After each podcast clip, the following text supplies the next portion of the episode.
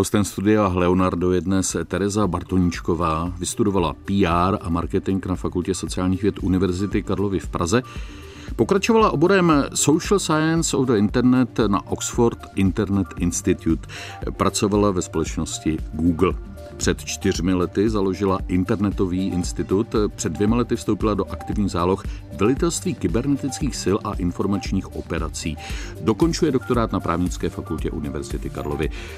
Zabývá se zejména eticko-právními dopady umělé inteligence a možnostmi regulace digitálních technologií. A o tom si dnes budeme hlavně povídat. Příjemný poslech vám přeje Vladimír Kroc. Studio Leonardo.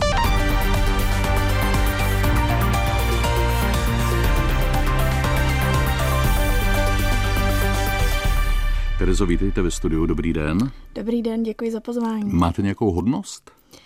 Mám nějakou hodnost. Jednu jsem ukořistila, jsem momentálně poručicí v aktivních zálohách. No taky pracujete na doktorátu eh, na fakultě eh, právní, právnické univerzity Karlovy, je to tak? Ano, usiluji o to.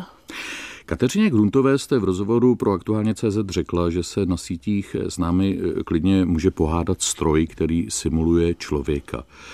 Jak takové situace bývají časté? Ano, to, to jsem v skutku řekla. Bavili jsme se totiž o roli umělé inteligence eh, ve vlivových operacích nebo obecně v, eh, v přesvědčování lidí online o určitých eh, úhlech pohledu, řekněme. Mm-hmm. Takové situace bývají poměrně hodně časté. Je to totiž pro kohokoliv, kdo zamýšlí ovlivnit někoho dalšího, poměrně jednoduchý a automatizovaný hlavně způsob, jak rychle se dostat právě k těm lidem, které chceme ovlivnit. Jsou tady nastaveny na určitý narrativ, který mají za úkol šířit. Hmm. Rozumím tomu, že algoritmus se vyhledá podle toho, co píšu, o co se zajímám, co vyhledávám, tak zhruba nějakým způsobem zjistí, kam mě zařadit. Ale netušil jsem, že třeba je schopen eh, mi posílat i ty hoaxy. Uh, tak eh, posílat, eh, pokud řeknete posílat, tak takovýto bot, o kterém jsme tam mluvili, tak není schopen vám poslat e-mail. Uh-huh. Ale pokud máte například účet na Twitteru, snadno si vás podle, řekněme, sentimentu, který máte ve svých příspěvcích a použitých klíčových slov, ne ještě jednodušeji hashtagů, identifikuje a následně na vás zacílí. A co ale dělá? Eh, obecně šíří jeho pravdu. To mhm. znamená, nemusí ani přímo vést s vámi konverzaci, například skrze soukromé zprávy, ale přidá se do, do vlákna konverzace, která už se děje a začne minimálně e, rozrušovat tu konverzaci. To znamená, on nemusí přímo vám rad racionálně řekněme, jak ten stroj toho je schopný odpovídat eh, k tématu, ale jeho častým cílem je i eh, tu debatu eh, takzvaně rozstřelit. To znamená nějakými i absolutně absurdními příspěvky i vlastně rozptýlit ty její účastníky. A potom čte člověk takové ty zoufalé tweety. Byl jsem tady pět let, ale teď odcházím, už s vámi nechci mít společného. je to možné, někdy mají velkou sílu. Co to říká o lidské inteligenci, že nepozná, že se do ní naváží inteligence umělá? Eh, no to, že s ní ještě neměla dlouho čest. Je to fenomén poměrně čerstvý, eh, jako jsou v podstatě všechny technologie, které jsou založené na internetu. Eh, my máme pocit, že jich, v nich je teď obsažen celý náš svět, což je eh, téměř pravdivé, ale stále je to jen pár desítek let. A například, jak si zvykáte na systém, který funguje ve městě nebo, nebo ve společnosti od narození, tak na toto přizpůsobení nejsme. Ne, vůbec nás neaklimatizoval vlastně vzdělávací systém, který momentálně pokulhává, no a už vůbec eh, vlastně eh, nemůžeme spolehat na nějaké naše automatické červené vlaječky, které nám vyskakují v různých situacích v životě, eh, jelikož by nám někdo musel říct, že je to právě například hmm, ten bod. Nemáme to zažité. Říkáte bod, tedy z té, z toho robot. Ano, ano, bod, ano, je velice správně zkrácený robot. Mohlo se tedy stát, že se mi za vysílání třeba vysmál nebo vynadal mi robot? Nevím, jestli zrovna u vás, eh, ale pokud to někdo nějaký bod měl za úkol, tak je to naprosto jisté. No a jsme u toho, kdo je úkoluje, kdo je pase takzvaně. To je vždycky těžké. Eh, to, co se nejvíce řeší například právě u vlivových operací a u šíření dezinformací, eh, tedy nepravdivých informací s nějakým cílem, eh, tak, tak je takzvaná atribuce. To je velice těžké identifikovat. I když můžeme identifikovat, kdo na jaké třeba IP adrese, znamená na jakém zařízení eh, bota nastavil a zaúkoloval právě na ten, na ten účel například změnit někoho názor ohledně čehokoliv politika, eh, ceny rohlíků, je to opravdu úplně jedno, eh, tak ale je velice těžké atribuovat to nějaké konkrétní osobě nebo i konkrétnímu státu nebo instituci. To znamená, toto je velice těžká ožehavá otázka, jak mhm. na právním poli, tak na technologickém. Vy jste mi teď odpověděla hodně diplomaticky, ale asi se tuší, odkud většinou vítr nebo ne? Eh, tak tuší se to, eh, pokud pozorujeme vlny eh, vlivových operací, kde jsou například zapojeni i boti, které odpovídají nějakému informačnímu proudu, na který jsme zvyklí z určité oblasti nebo za určitým účelem. Můžeme si to myslet, ale ano, ta diplomatičnost spočívala v tom, že eh, nemůžeme proti tomu konat eh, jako, jakožto právní stát, aniž bychom porušili eh, další umluvy, které máme mezinárodní. Hmm. To znamená, tam je právě ten tenký let nebo šedá zóna, nebo jak to kdo nazývá, toho, kdy si můžeme myslet, odkud výtrvané, ale nemůžeme to nikomu přisoudit kvůli i, i kvůli mm-hmm. staré dobré prezumci neviny. Možná se k tomu ještě eh, dostaneme, ale eh, vrátím se eh, k té praktické části.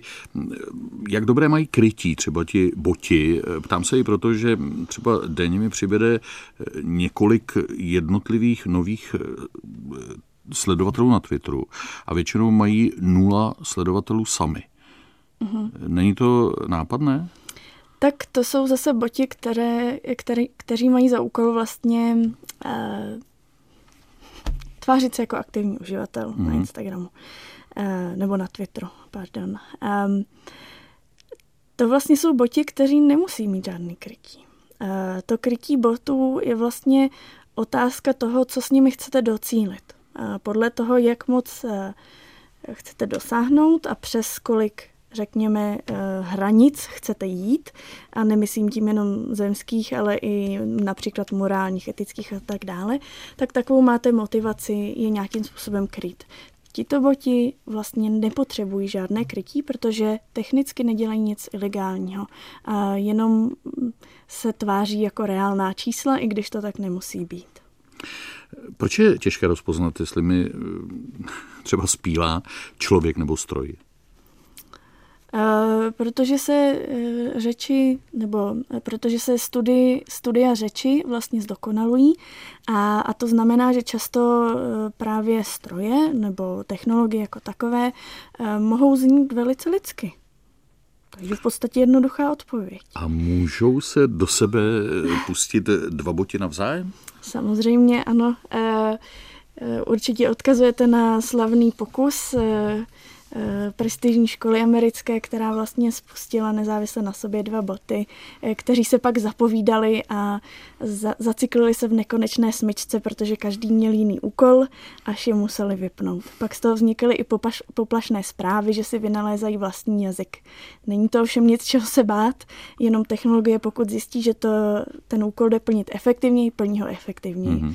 A neměli vlastně uh, asi zakázáno eh, se zabývat i botem, kdyby zjistili, že to druhý je bot, tak asi eh, ho přeskočí a jdou na dalšího člověka. Nicméně často se takhle zacyklili. Ale to bylo v těch raných pokusech. Jak je to teď, určitě už pokročilejší.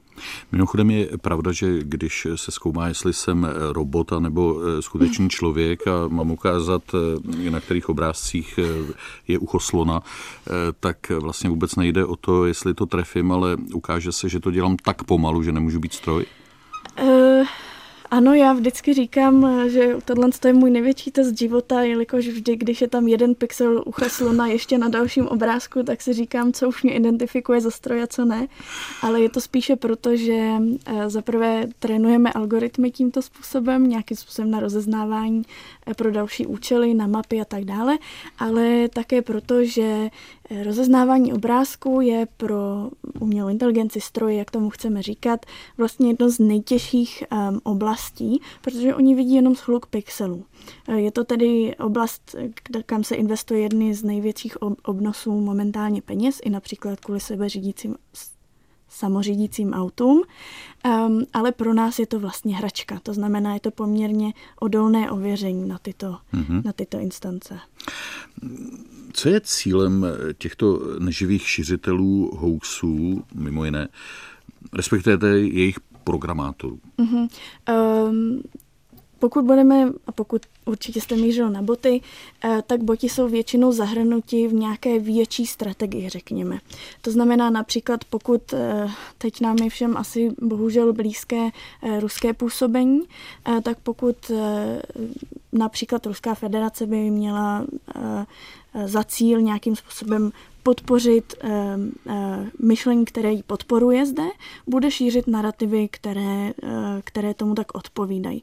Ať už je to skrz webové stránky, sociální média, a nebo jednoduché, uh, klidně letákové kampaně. Nicméně v momentální době uh, je to pole tak široké, že boti můžou přijít takzvaně vhod. Nejen, že budou sedět za počítači lidé, kteří umí česky a jsou například zaplacení za to, šířit takovéto narrativy, uh, těm se pak často říká i trolí farmy, ale právě je podporují i boti, kteří, kteří vlastně ty jednoduché úkoly zvládnou naprosto sami a hlavně se nikdy neunaví. Takže jsou to takový trollboti. Dalo by se to tak říct. No, v čem spočívá úspěch šíření téhleté inteligenční rakoviny? To je moc hezký název. Um, úspěch spočívá uh, v tom, že to že to vlastně dokáží, že, že je tolik těch proudů z různých e, vlastně směrů, e, že toho člověka nebo tu masu lidí jednoduše přesvědčí o své hmm. pravdě. Um, Často ten eh, úspěch také tkví v tom, eh, že jelikož už se nesetkáváme v sobotu každý den na tržišti a žhavě nedebatujeme o, o, o stávajících eh, problémech nebo tématech, tak se často lidé mohou ocitnout v izolacích určitých skupin, zejména na sociálních médiích, kde pak tyto hlasy rezonují a když člověk jim nechce podlehnout, nechce podlehnout, tak v sobotu ale jde do té hospody, kde si všichni z něj dělají legraci a pak už podlehnou, protože už tu máňu nebudou přece dále poslouchat a radši budou držet uh, hubu a krok. Jo. Posluchači prominou. Ono to ale není žádná novinka. Dřív se tomu říkalo třeba novinářská kachna, akorát eh, se liší eh, ty kanály, kudy se to k nám dostává. Kdo a proč je nejviděčnějším terčem těchto cinknutých zpráv nebo fake news? Uh-huh. Uh, ano, samozřejmě, má to dlouhou tradici, nezáleží na tom, jestli to dříve bylo pomocí plagátů, letákových kampaní, nebo jestli je to teď pomocí webových stránek, eh, stránek a botů. Eh, a právě nejvděčnějším eh, člověkem je právě například ten um, izolovanější jedinec nebo jednoduše sociálně znevýhodnění například, eh, nebo ekonomicky slabší občané. Eh, je to jako u Tam mi to nesedí, promiňte, že vám skáči ano. do řeči, skáču eh, s tím, že většinou se to šíří tedy třeba přes Facebook, tak nevím, jestli ti sociálně slabší zrovna jsou uživatelé Facebooku. Rozhodně to nemyslím jako stoprocentní pravidlo, i když si myslím, že i v této skupině již každý eh, téměř má smartphone v kapse a pak nám to právě skáče rovnou do kapsy. Eh, pokud se to nedozví ze smartphonu v kapse, tak od kamaráda, který ho má, se kterým se všichni baví, protože je tak cool. Ale eh, myslím to spíše jako příklady těchto skupin, protože opravdu je to jak, jak, jak s politikou. Kdo je zrovna nejzranitelnější nebo nejlepší cíl pro určité politické strany je určeno právě tím, v jaké situaci se nachází v osobním životě i vlastně v ekonomické situaci. Možná se už dostáváme částečně k odpovědi, proč část populace ráda podléhá propagandě ve smyslu nevěřte oficiálním médiím. Mm-hmm. Přitom ale veřejná služba není zrovna levná. Platíme si ji proto, abychom měli nezávislé zdroje. Ano, eh, tak eh, právě i skrze kanály nového, řekněme, věku eh, a skrze internet se podporuje vlastně to podkopání důvěry ve velká média. Vlastně je to, je to poměrně vysvětlitelné z úhlu eh, lidské psychiky, kam asi já zabíhat eh, nebudu, na to si určitě pozvete jiného odborníka, ehm, ale eh, jak říkám, je to vždy reakcí na to, v jaké, v jaké situaci se člověk nachází a často i reakcí na to, jak postupuje komplexita vlastně okolí, kterého zahrnuje. Pokud člověk tuto komplexitu nestíhá pojmout, není v popředí prostředí vlastně vývoje těchto, těchto, těchto obalů, řekněme, jeho života, eh, tak se v tom často snadno ztratí a eh, a takové ty extrémnější narrativy potom získávají výhodu v tom, že jsou velice srozumitelné, jednoduché a vlastně osvobozují toho člověka od nějaké povinnosti se v tom vyznat. Aha. No ale pořád mi není jasné, proč lidé snadno rádi uvěří třeba i zjevným nesmyslům. Já si myslím, že je to eh, velice pochopitelné, protože eh, oni znějí dobře, oni vysvětlují všechno, co nechápu. Oni jsou uchopitelné, oni se dají říct jednou větou. To znamená, že pak si tu větu může člověk opakovat neustále a vlastně eh, mu je pohodlně eh, v pocitu, eh, že to vysvětluje spoustu věcí, kterým nemůže rozumět, což není vina toho člověka, že jim nerozumí, ale, ale potřebuje často od, ní, od tohoto pocitu nějak ulevit. Dá se proti fake news nějak efektivně bojovat? Uh, dá. Eh, dá se ale bojovat eh, s dlouhavou cestou eh, a to zvyšováním rezilience vlastně obyvatelstva. To slovo jsem použila záměrně, jelikož teď rezonuje zejména v debatách na evropské úrovni, když se řeší tyto vlastně fenomény, ani nemůžu říkat problémy, eh, fenomény, když se eh, řeší, jelikož eh, opravdu jediné, co vede k dlouhodobě udržitelnému pochopení toho, co, je, co jsou disinformace, vlivové operace a k čemu věřit a co ne, je, je vlastně stavění odolnosti našich občanů. To znamená více zdrojů, eh, opravdu se spoléhat na, na, na veřejnoprávní média například a, a reputabilní zdroje a tak dále. Hostem Českého rozhlasu Plus je mladá vědkyně Tereza Bartoničková. Posloucháte Studio Leonardo. Rozhovory s předními osobnostmi české i zahraniční vědy. Premiéra v sobotu po 14. hodině na Plusu čem jsou tedy eh, eticko-právní dopady umělé inteligence? Myslíte v jakých polích? Eh, v polích jsou naprosto ve všech. Um, Etické i právní dopady uh, jsou si vlastně blízké, protože právo v mnoha zemích je právě proto, že jsme se shodli, že něco je pro nás tak eticky zásadní a morálně důležité, že uh, to uzákoníme, řekněme. Um, ale umělá inteligence, jelikož zasahuje vlastně nejenom do našich informačních zdrojů, ale i do našeho jednoduše života každý den, ať už je to v našich autech eh, či v naší domácnosti, eh, tak vlastně zasahuje téměř do všech polí. Ať už se jedná o ekonomiku, eh, kde nějakým způsobem zpracovává informace o zemědělství, kde nám momentálně řídí kombajny skrze satelitní systémy, ale i právě o právo například, kde se musíme na tyto nové fenomény přizpůsobit působit tak, aby stát stále měl tu moc chránit občana skrze hmm. předvídatelné eh, vlastně systémy. Já jsem možná mm, pomalý, ale teď mě nic nenapadá, jakým, jaký dopad eh, etický nebo právní má eh, třeba ta satelitní navigace toho kombajnu. Právní asi jednodušší, jelikož už jsou eh, v pohybu, řekněme, to znamená, že už došlo k nějakému zavedení této technologie do praxe, eh, to znamená, že to musí být nějak právně ošetřeno, ale eh, pak tu etiku si samozřejmě v každém poli můžeme vyložit jako různě relevantní, nicméně například teď se setkáváme s takovým problémem, to můžu nazvat problémem, eh, že například právě kombajnisté, kteří od svého mládí jezdili v kombajnech, eh, kde vědí, do čeho pak eh, bouchnout, aby to jelo znovu a řídí ho sami a vyvezou ho sami, tak teďka sedí ve strojích, které jsou satelitně řízené. Eh, pokud se to rozbije, musí jenom zavolat na jedno číslo a sedět u něj. Eh, samozřejmě tam ta relevance se někomu nemusí zdát tak velká, jako například u samořídících aut a etickému rozhodování, koho porazit a koho nechat žít.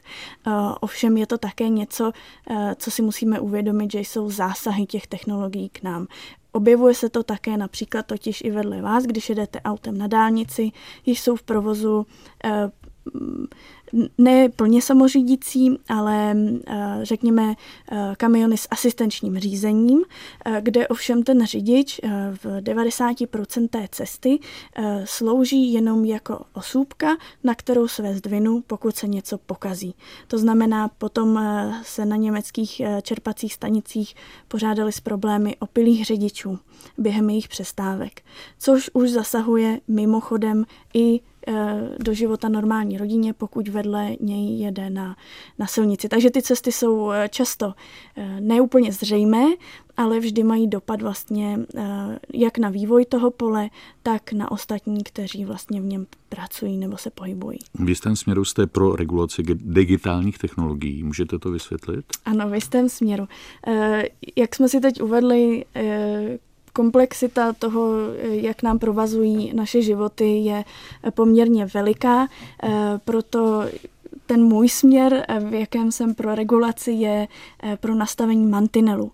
Pokud totiž technologie přeregulujeme, eh, vymstí se nám to. Bude to jako hodit eh, kamínek do řeky. Ta řeka ho jednoduše obteče, protože technologie se vyvíjí tak rychle, že nemůžeme eh, jednotlivé kroky nebo postupy regulovat. Musíme nastavit směr, jakým chceme, aby řeka tekla, a to je to hlavní, což ale vyžaduje velice jemný přístup, ale přístup, který vyžaduje naprosté pochopení principů těchto technologií. Proto ty debaty jsou tak zlouhavé, proto ty reakce proti těm regulacím jsou občas tak ožehavé, jelikož často si například regulátoři neuvědomují, že technologicky jejich prozby nejsou proveditelné. Nakolik se umělá inteligence angažuje v současné válce Ukrajina-Rusko, respektive Kreml versus Západ? Možná je to to, o čem jsme mluvili před chvílí v té první části rozhovoru. Určitě. Eh, nechtěla bych tu hodnotit eh, právě rozjetý oheň, ale můžu vám říct jedno. Tam se jednou umělá inteligence mlátí klackem s druhou umělou inteligencí. Eh, je tam nasazena samozřejmě v mnoha, řekněme, na mnoha úkolů, ať už jde o hledání způsobu, jak eh, zlikvidovat například eh, infrastrukturu protivníka, ale i právě ve vlivových operacích. Tady u té války můžeme jednoznačně vidět nejvýrazněji vlastně to, co informace dokáží vlastně způsobit, jak si můžeme všimnout u přesvědčení, které vládne v Rusku, eh, v západním světě a, a, a samozřejmě na Ukrajině. A taky se tím bojuje jako novou sférou. Může mít umělá inteligence smysl pro humor?